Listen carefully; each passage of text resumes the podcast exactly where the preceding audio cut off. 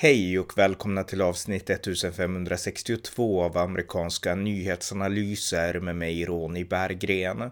Den 14 maj utfördes en masskjutning i Buffalo i delstaten New York när en 18-årig gärningsman vandrade in på ett köpcenter i ett svart bostadsområde och där sköt ihjäl 11 personer. Han efterlämnade också ett manifest i vilket han skrev att den vita rasen var hotad och att han ämnade agera. Här analyserar jag dådet och den debatt som följt, där vänstern nu gör vad det kan för att politisera dådet till ett politiskt slagträ att vända mot konservativa och det republikanska partiet. Något som kan skönjas även i Sverige. Varmt välkomna! Ja, det var i lördags den 14 maj som en ny tragisk masskjutning ägde rum i USA när en 18-årig vit gärningsman vid namn Peyton Gendron gick in på ett eh, köpcenter i ett svart bostadsområde i Buffalo i delstaten New York och eh, sköt människorna som han stötte på samtidigt som han filmade och livestreamade sitt ohyggliga dåd. Och 11 av de 13 personer som han sköt på var svarta och eh, allt som allt så mördades 10 personer i det här ohyggliga dådet.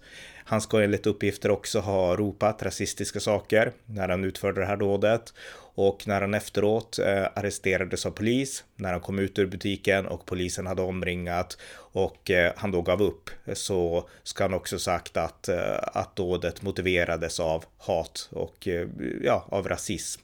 Och eh, jag har själv inte sett eh, videon som, som han gjorde. Jag tror att den florerar på nätet. Det brukar vara ganska lätt att kunna se de här videorna. Jag har ju sett Brenton Terrans video. Jag har sett väldigt många, när det händer sådana saker brukar jag se videorna och läsa manifesten och så.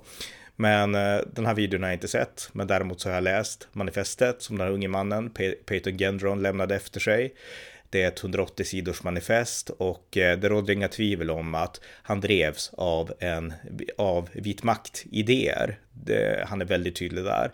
Han skriver i manifestet att det pågår ett white genocide, alltså ett, en massutrotning av vita och att han vill agera för att stoppa den. Så att eh, det råder inga tvivel om att det här var ett vit maktdåd utfört mot svarta. Och eh, det här har ju såklart då kommenterats överallt i amerikansk media och även i svensk media som ofta görs. Och eh, den debatt som har uppstått väldigt snabbt i USA men också fått ringa på vattnet här i Sverige är vad var det som orsakade det här?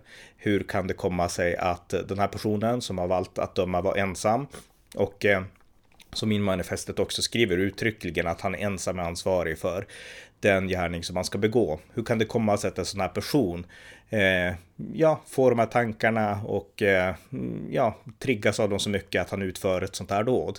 Och det har det anförts i media att det här beror på att det finns konspirationsteorier om massinvandring, om svarta och om ja, sådana här saker. The Great Replacement som den här teorin kallas som, som uppfanns på 90-talet. Och eh, det har diskuterats som en orsak. Det har också lagt skuld på olika konservativa som Tucker Carlson på Fox News som man menar har pratat väldigt mycket om the great replacement och den här eh, gärningsmannen då Peyton Gendron han skriver om ett replacement, en ersättning, ett utbyte av vita i sitt manifest och att eh, ja, han kanske var triggad av att konservativa också pratar om sånt här. Och eh, det här har också framkommit i, i svensk media att det här skulle kunna vara orsaker. Eh, Sveriges Radio har ju någonting som heter USA-podden där de analyserade det här eh, dådet i Buffalo och där en av deras reportrar också var på plats och intervjuade eh, ja, de, de, som, som bodde där i området och så. Men eh, ja, jag skulle, jag ska kommentera min syn på de här framställningarna. Men jag tänkte först gå igenom manifestet och berätta lite om ja, vad det handlar om och vad man kan utläsa och utröna om den här mördaren, Peyton Gendron, genom att läsa det manifest som han efterlämnade till världen. Och eh, det är som sagt 180 sidor och jag har läst hela, eh, scrollat lite grann där jag tycker att jag inte behövde veta alla detaljer. Och då hade det mest med vapenteknik och sånt att göra. Därför han är väldigt detaljerad när det gäller vapen och utrustning och sånt där. Men jag var mer intresserad av idéerna och liksom honom som person. Så att där hoppade jag lite grann. Men i övrigt så har jag läst manifestet från början till slut. Då.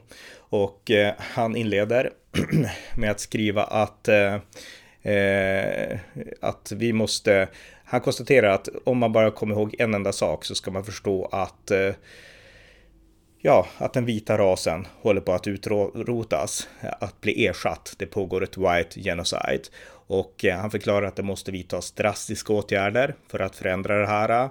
Att det hedonistiska, nihilistiska och individualistiska samhället måste stoppas. Alltså samhället håller på att förfalla och därför måste man vidta åtgärder och då i synnerhet för att stoppa massinvandringen. Han skriver att vi måste krossa immigrationen och deportera de som invaderar och eh, redan lever på vår mark.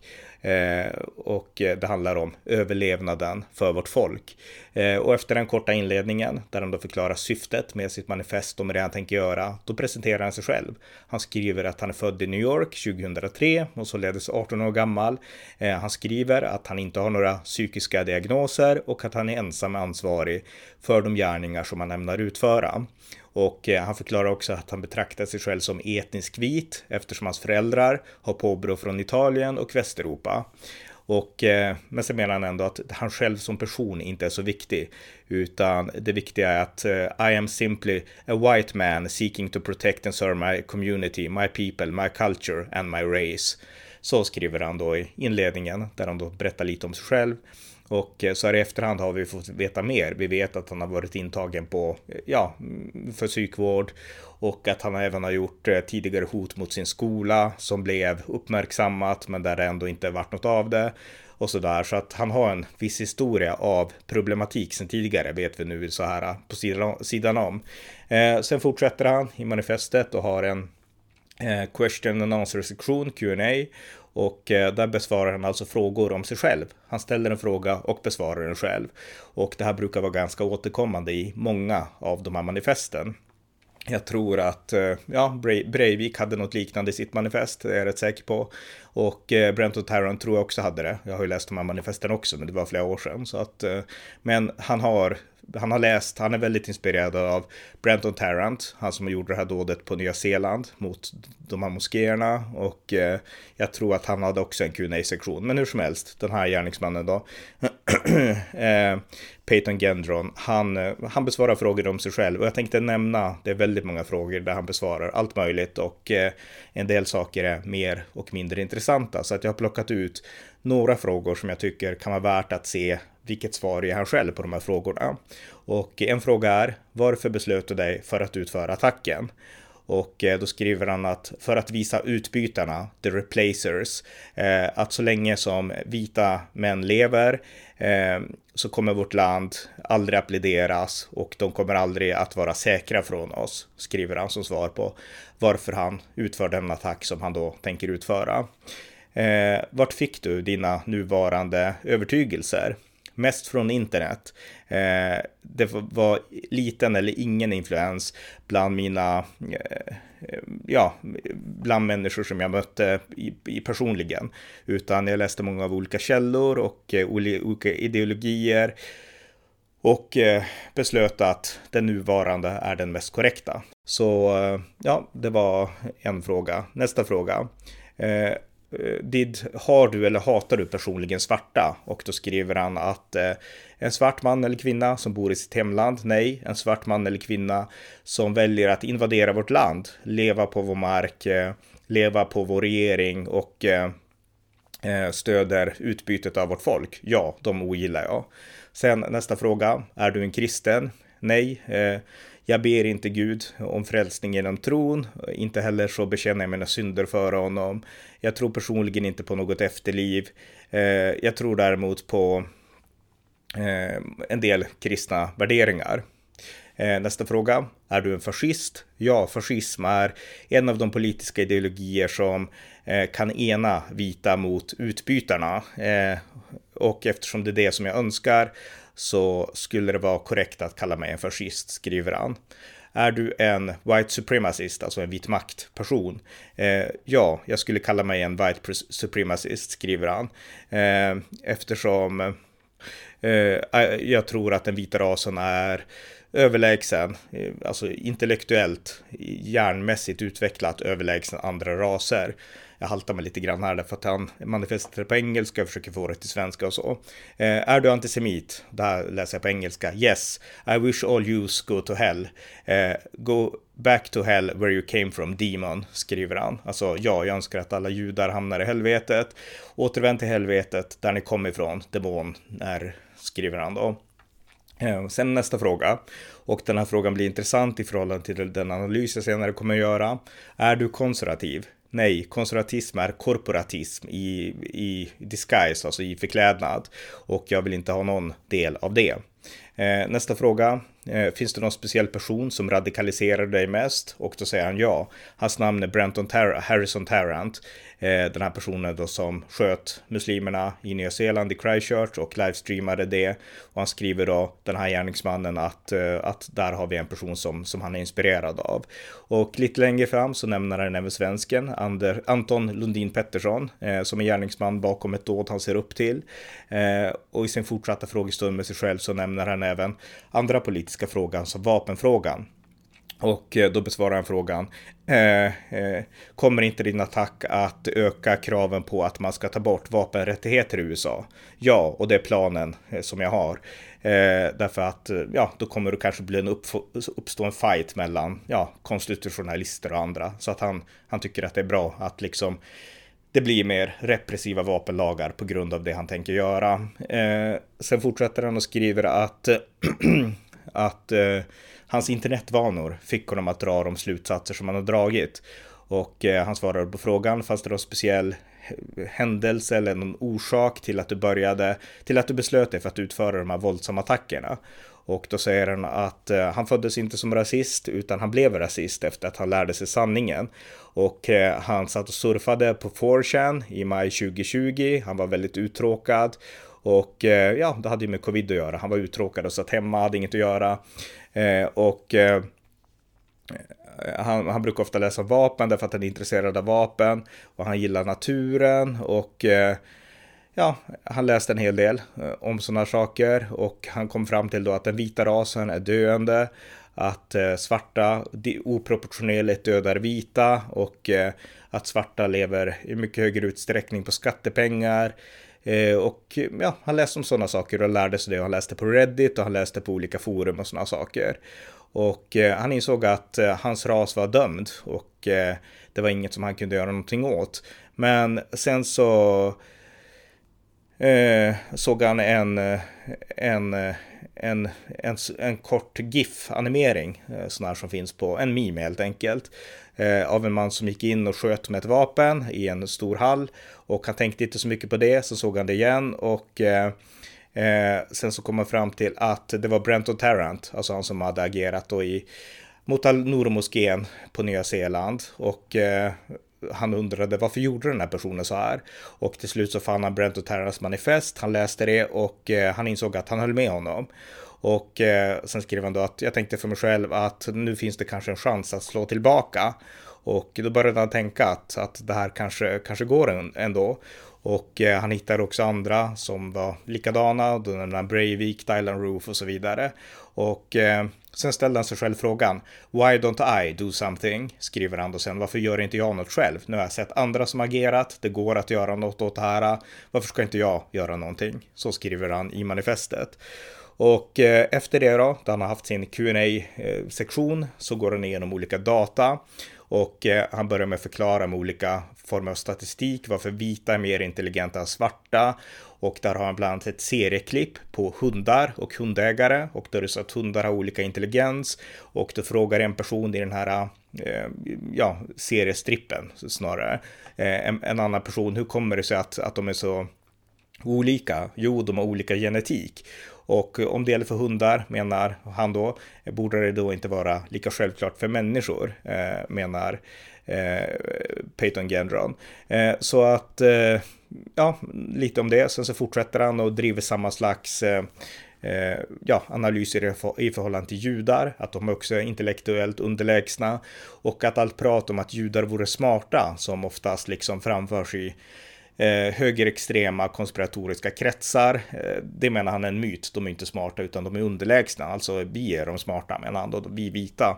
Och eh, ja, därefter gör han också, går han in på den här grundliga genomgången om vapen och utrustning för att kunna besegra den identifierade fienden. Och det var där jag mest ögnade igenom för att jag behöver inte läsa alla detaljer om liksom vapenutrustning och vad han tycker är bäst när man ska utföra sådana där dåd. Eh, så att det var idéerna mer, jag mer var intresserad av. Eh, I slutet då gör han också två, eller ett framförallt tydligt avståndstagande till konservatismen i USA då. Eh, utifrån en väldigt enkel, han ställer en fråga till sig själv. Vad har konservatismen egentligen klarat av att bevara? Och han svarar ingenting, och åtminstone ingenting i hans egen vita tankevärld. De har inte klarat att bevara den vita rasen och eh, ja, vad är konservatismen? Den är värdelös, den duger inte, förklarar han. Eh, och han riktar också kritik mot vänstern. För vänstern säger han, de menar sig vara progressiva, men vad har de lyckats utveckla? Svar, ingenting. De har inte lyckats utveckla den vita rasen, utan på sin höjd har de fått vita barn att hata sig själva och andra raser att hata vita barn. Så att han, han tar avstånd både från högern och vänstern och menar att han måste gå sin väg här. Och eh, han efterlyser starka män. Han menar att det är svaga män i väst som har gjort att väst nu har hamnat i den situation vi befinner oss i och att nu behövs det starka, starka män som kan fixa det hela. Och eh, han berättar också, på slutet så har han också olika personer i världen, så här konspiratorer som han menar måste dö för att de har gjort, de har förstört väst. Och han menar då George Soros som såklart alltid nämns i de här sammanhangen. Men därefter menar han också en del andra, som till exempel Erdogan i Turkiet, eftersom Erdogan leder urfienden till det vita Europa, alltså turkarna som invaderade Europa under historien. Så att Erdogan måste också bort och eh, genom att knäcka Turkiet så kommer även NATO försvagas, skriver han, vilket han verkar vara nöjd med. Och eh, slutligen måste också Londons muslimske borgmästare Sadiq Khan dö, som är muslim och ja, borgmästare i London då. Och eh, han avslutar med lite andra korta genomgångar på teman som han verkar ha ja, stött på och som han tycker han ska ha en åsikt om. Som ekonomi, skatter, globalism och så vidare.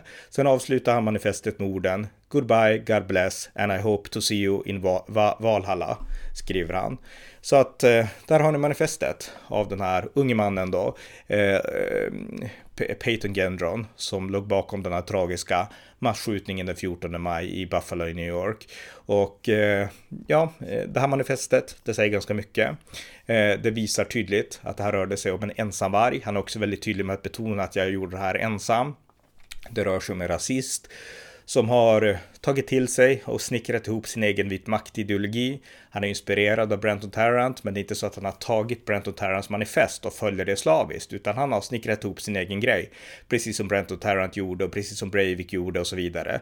Eh, de här människorna som jag ändå har följt, jag har följt skolskjutningar, masskjutningar sedan slutet av 90-talet. Det finns hundratals inlägg på amerikanska nyhetsanalyser om de här ämnena.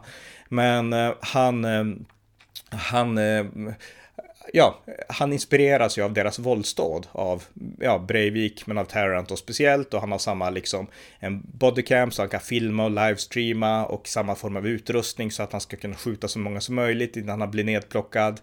Eh, så att där inspireras hon i förhållande till våldet och även givetvis i förhållande till idéerna. Men de snickrar ändå ihop sina egna manifest, sina egna idéer. De liksom bara inte rippar någon annan, utan det är hans egna tankar, hans egna slutsatser. Och eh, till skillnad från Brent och Tarrant som hade mycket mer likheter med Breivik som var, eh, som var eh, som siktar in sig på islam, på islamisk massinvandring i väst. Det var ju det som var gemensamt för, för Breivik och Brent Tarrant. Så tycks den här unge mannen då, eller han, han Peyton Gendron, han siktar in sig på ja, icke-vita, alltså det handlar inte om islam här, utan det handlar om icke-vita, framförallt svarta. Det var svarta han sköt, men han har också läst om då massinvandringen från Latinamerika såklart, som diskuteras. Det diskuteras ju onekligen bland, bland konservativa. Eh, så att eh, han snickrade ihop sitt eget som passade mer i hans sammanhang och mer i USA och så. Eh, och eh, sen gjorde han det han gjorde. Så att där har ni gärningen, ett fruktansvärt terrordåd och motivet, eh, rasism utifrån ett slags, eh, ja, någon slags, ett manifest kan man ändå säga. Det, det var hans personliga manifest. Eh, så att där har ni det. Och nu tänkte jag analysera lite grann hur det här har beskrivits i amerikansk men även i svensk media och vad som är problemet med de beskrivningarna. Ja, efter det här dådet så tog analyserna vid i mängder av amerikansk media och inte minst i liberal amerikansk media så började man driva ett narrativ. Ett narrativ om att den konservativa rörelsen, kanske med sin retorik, hade banat väg för det som skedde. Och här är ett klipp från den 17 maj från MSNBC där eh, deras programvärd Ari Melber diskuterar tragedin. Law enforcement officials say this alleged shooter posted a 180 page manifesto online just days before the attack, and it draws on and references replacement theory at least 28 times. That is a racist conspiracy theory that basically, in Western countries like the United States and some countries in Europe, some type of racial and religious group of external minorities from somewhere else in the world will, quote, replace the rightful white supremacist majority of those nations. Now, at one time, this was considered quote unquote fringe. But again, when you hear what Mr. Crump asks about how we in America will deal with this, we're not talking about red and blue here. We're not talking about the size of the government. We're not talking about policy. We are talking about a growing push to get people thinking like this so they might act like this which is why we believe we've tried to put together some important reporting on this important problem tonight. Because this is being amplified and pushed by some very influential people in America and specifically on the right. For example, Fox News host Tucker Carlson people count up this kind of stuff. So whether you watch him or not, the fact is that the people who do and who track this note that he has made a reference or variation to this type of hateful conspiracy theory, this replacement thing, over 400 times since 2016. Ja, det var alltså ett klipp från Ari Melber från MSNBC som då försöker knyta det här fruktansvärda terrordådet i Buffalo till den konservativa rörelsen och till Tucker Carlson i synnerhet på Fox News. Därför att de, de menar att Tucker Carlson har drivit de här idéerna om ett folkutbyte. Och den här metoden att försöka knyta terrorism och sådana här slags dåd till den republikanska rörelsen och till konservativa, det är en tradition, om man får säga så, som går långt tillbaka i det demokratiska partiet och i den liberala rörelsen i USA, men även här i Sverige då, den socialistiska rörelsen. Och eh, jag har hängt med länge i sådana här skjutningar eh, i år, årtionden nu, tiden går snabbt. Och eh, det är så här varje gång, varje gång det händer något sånt här dåd från högerkanten, då kommer hela den här radan av idéer från vänstern att det här måste ha något att göra med högerns retorik, med högerns idéer, med högerns värnande av vapen. Och det är av högsta vikt att se igenom det här eh, och att inte falla in i det narrativet. Och eh, det är det jag vill betona och förklara nu. Och eh, det första bästa exemplet jag vill ta, som är enkelt att förstå även här i Sverige, på varför och hur det här är och kan bli så absurt, det är från 2011. Då var det så att då blev den demokratiska kongresskvinnan Gabrielle Giffords, hon var skjuten i sitt hemmadistrikt i Arizona när hon höll ett kampanjmöte och hon eh, överlevde som tur var då. Men hon blev i alla fall skjuten av en ung gärningsman och eh, sen kom det igång ett mediadrev som såklart handlade om vapenfrågan. Ska man få bära vapen i USA? Där Demokraterna är emot och därför alltid använder sådana tillfällen då för att hamra på om att vi måste, ja, vi måste förbjuda vapen och eh, konservativa hamnar lite i försvarställning. Men en annan sak som också blev en faktor i debatten om det här dådet, det var just om republikanernas heta, hetska retorik mot demokraterna hade bidragit till det här. Och då betonade man Sarah Palin. Sarah Palin var ju republikanernas eh, vicepresidentkandidat i presidentvalet 2008, tidigare guvernör i Alaska och nu ställer hon också återigen upp som eh, kandidat i, till senaten eller kongressen kanske i Alaska. Eh, jag gjorde en podd om det här så jag borde veta det. Men hur som helst, eh, 2011 så hade Sarah Palin en karta på olika valdistrikt som hon och eh, republikanerna republikanerna hoppades att man skulle kunna vinna eh, från demokraterna. Och ett av de valdistrikten, det var demokraten Gabrielle Giffords, hon som var skjuten. Och på den här kartan som Sarah Palin hade så hade hon sikten, kikarsikten, på varje demokratiskt distrikt. Och vem som helst förstår såklart att Sarah Palin syftar inte på att någon skulle gå och skjuta Gabrielle Giffords. Hon inspirerade inte det. Det var ingen som hämtade inspiration av det heller. Inte den här gärningsmannen som faktiskt sköt heller.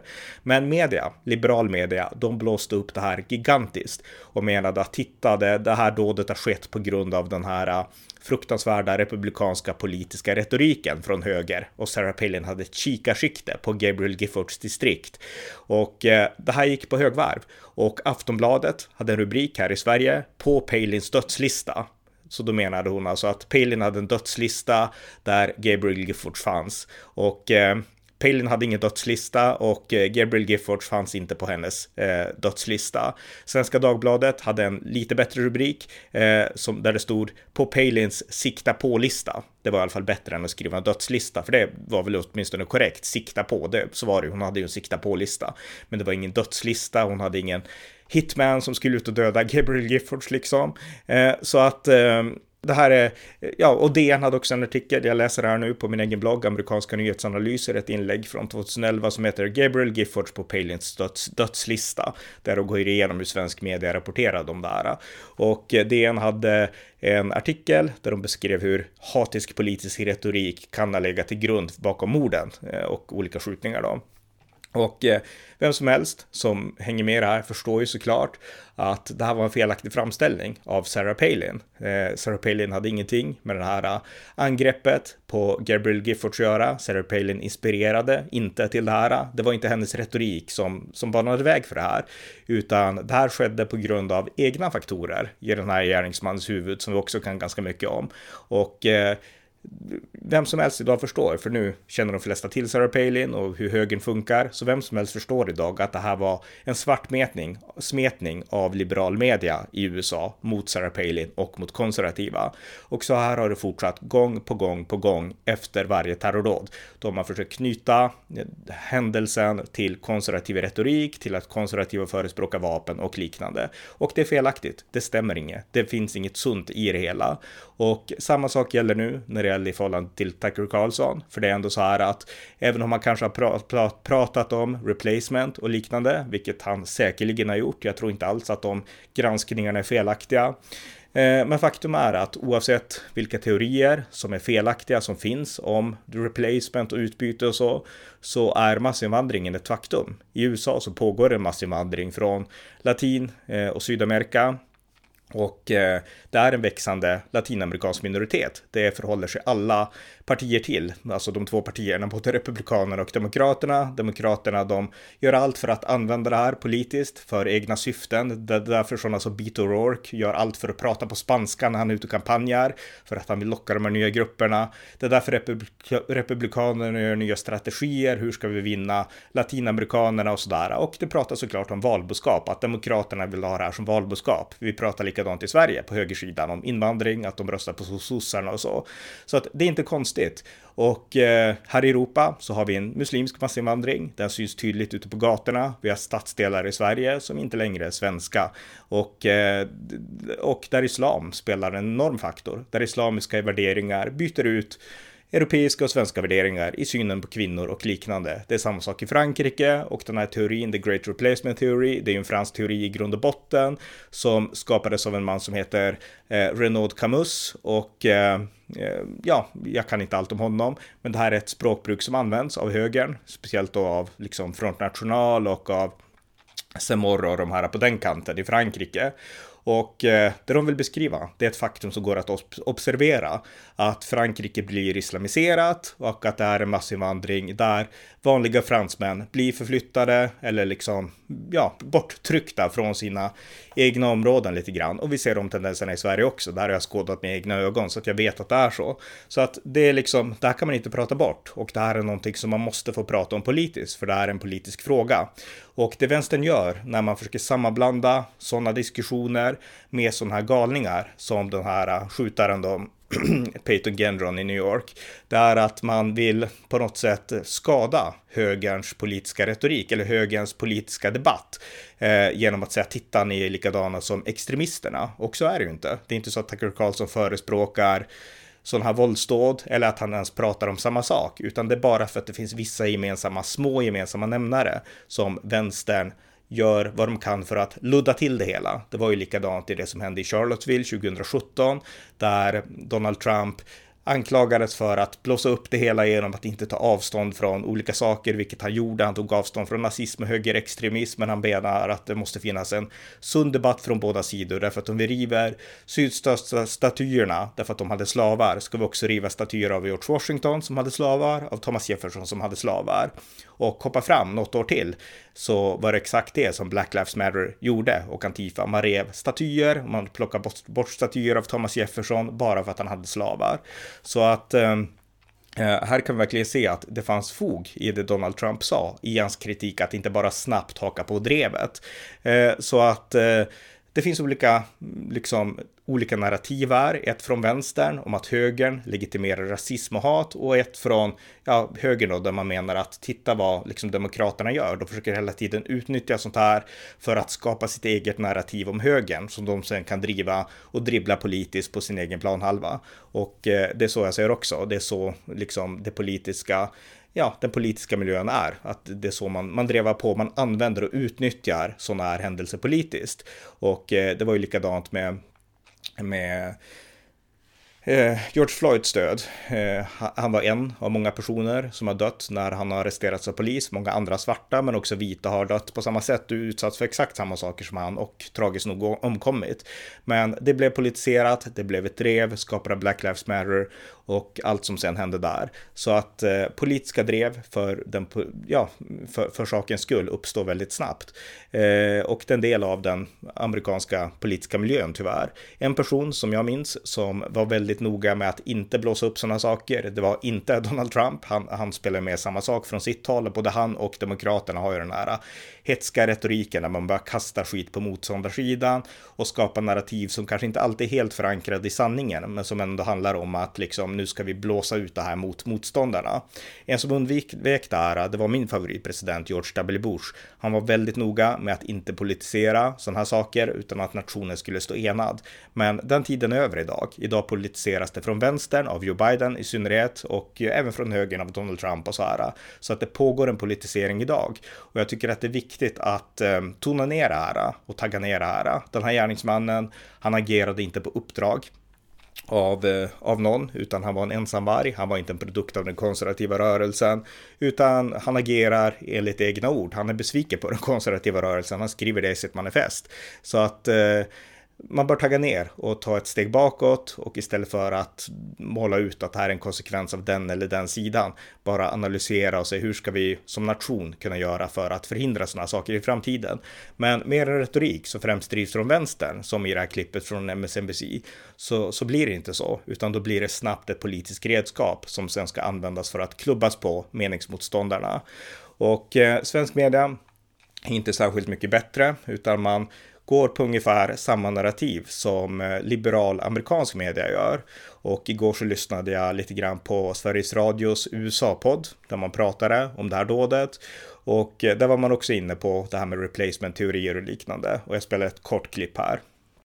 Och de jag pratat med säger både jag kan inte förstå hur det här kunde hända vid, vid vår mataffär här. Och sen säger de också att det är inte konstigt att det händer för vi har blivit utsatta för hat i 400 år i det här landet. Eh, och eh, det där var Sveriges Radios USAs korrespondent Cecilia Chavar som hade intervjuat människor i, ja, på, på, på den här platsen i Buffalo då.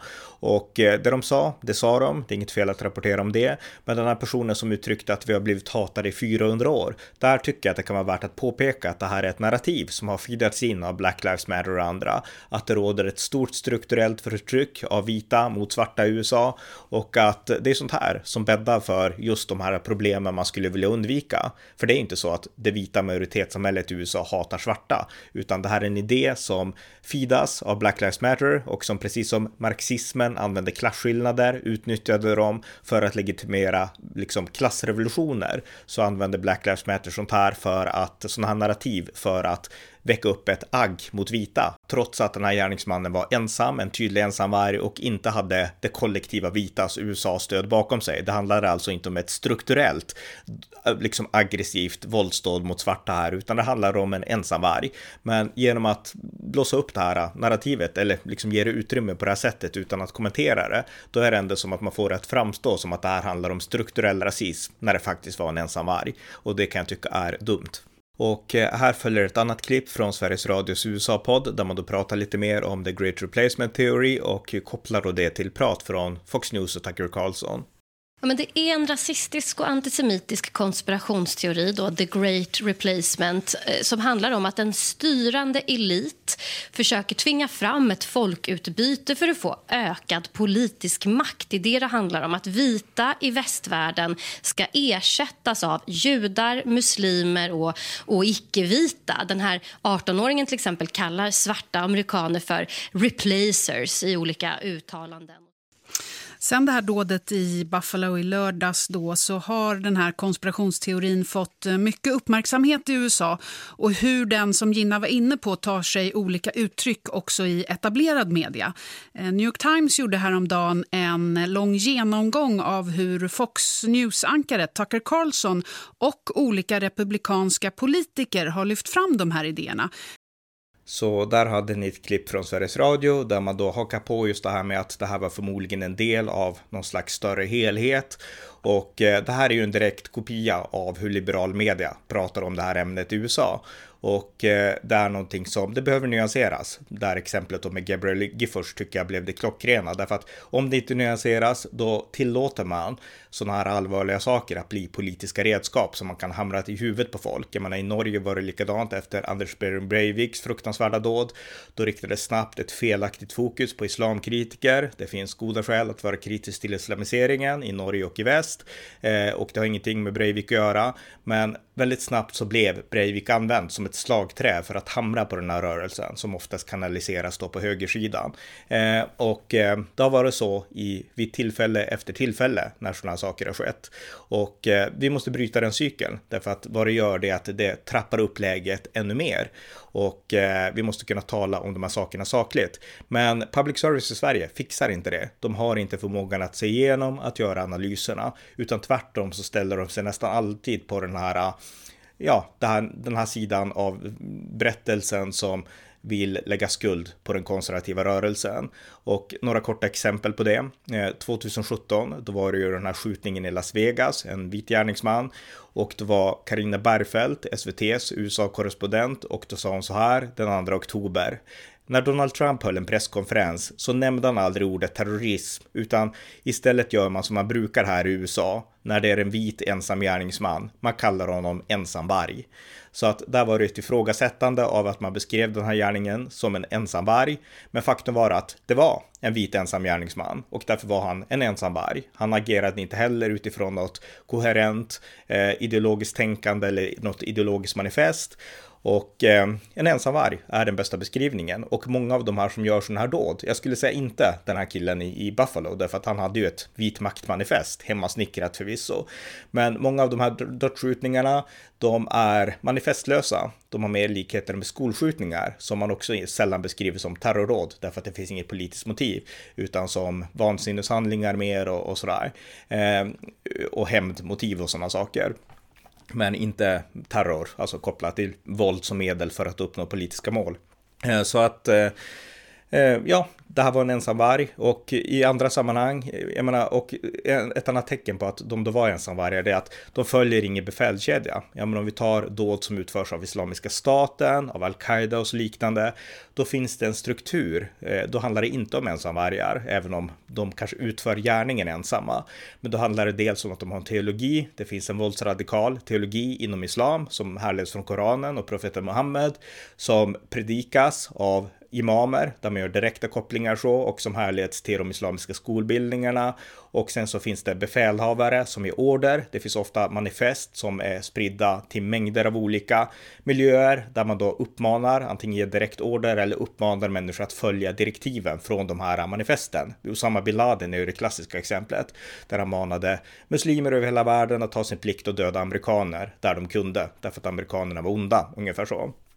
Så att där har vi verkligen en, där har vi terrorism utifrån de här eh, händelsekedjan, händelseförloppskedjan. De här eh, ensamvargarna, Brent Tarrant, Breivik och så vidare, de har inte de här kedjorna. De har inte de här systemen bakom sig, de har inte strukturerna, de har inte församlingarna, de har inte teologin, de har ingenting.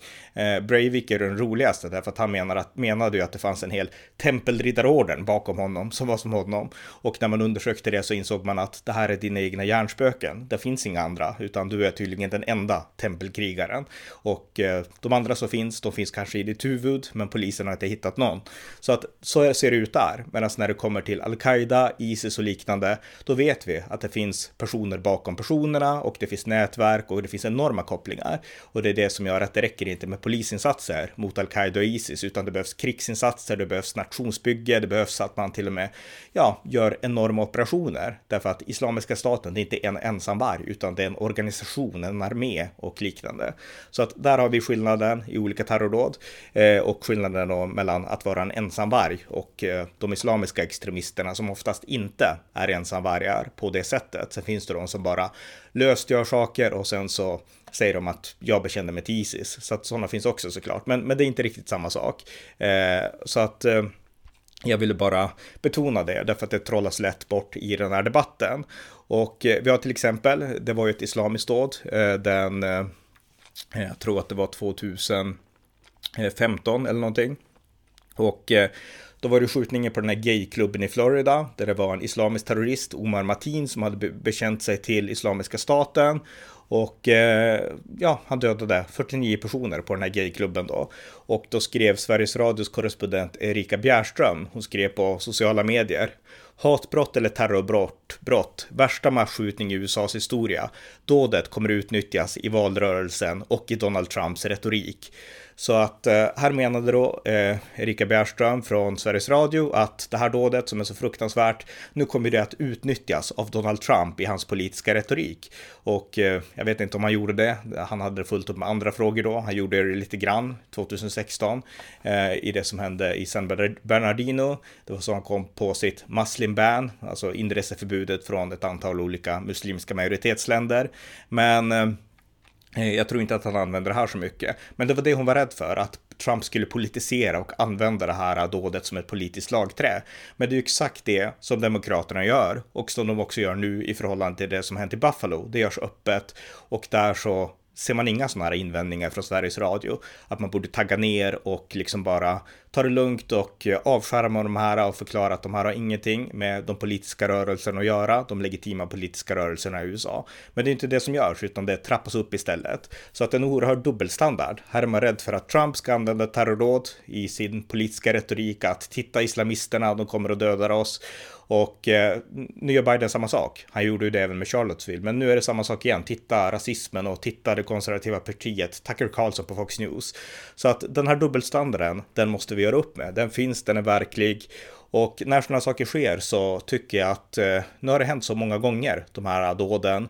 Och när man har försökt politisera från båda sidor förvisso, men med, mest, mest tycker jag, nu är jag lite partisk, men jag tycker ändå så, mest från vänsterhåll, eh, så har man försökt politisera. Och det är inte bra. Det leder till en upptrappad retorik och det leder till mer polarisering. Och det måste vi motverka. Men det är det som jag anser att Sveriges Radio inte klarar av. De klarar inte av att motverka den här politiseringen av sådana här tragiska dåd. Men det är det jag önskar göra genom att ge den här förklaringen, genom att beskriva sammanhanget, förklara att den här gärningsmannen enligt egen utsago inte var konservativ, han var inte kristen, han var ingenting åt det hållet, utan han var en lone wolf, en ensamvarg. Och eh, det är så han bör ses. Och eh, sen bör man inte liksom använda sådana här då till att spela politisk pingpong. Man kan ha vapendebatten för sig såklart, den finns i USA och man kan debattera andra saker också, rasism givetvis, men vi bör inte koppla det till sådana här eh, vansinneshandlingar när det är vansinneshandlingar. Det här var inte någon person med al-Qaida-struktur i ryggen eller med någon slags eh, kristen eller konservativ församlingsverksamhet i ryggen, utan det var en ensam varg och eh, låt oss inte göra honom till någonting annat. Ni har lyssnat till amerikanska nyhetsanalyser. Just nu pågår ett brutalt krig i Ukraina. Videoklipp visar hur civila ukrainare blivit brutalt skjutna till döds av ryska soldater. Det som sker där hade också kunnat ske här. Det kan ske överallt där Ryssland invaderar.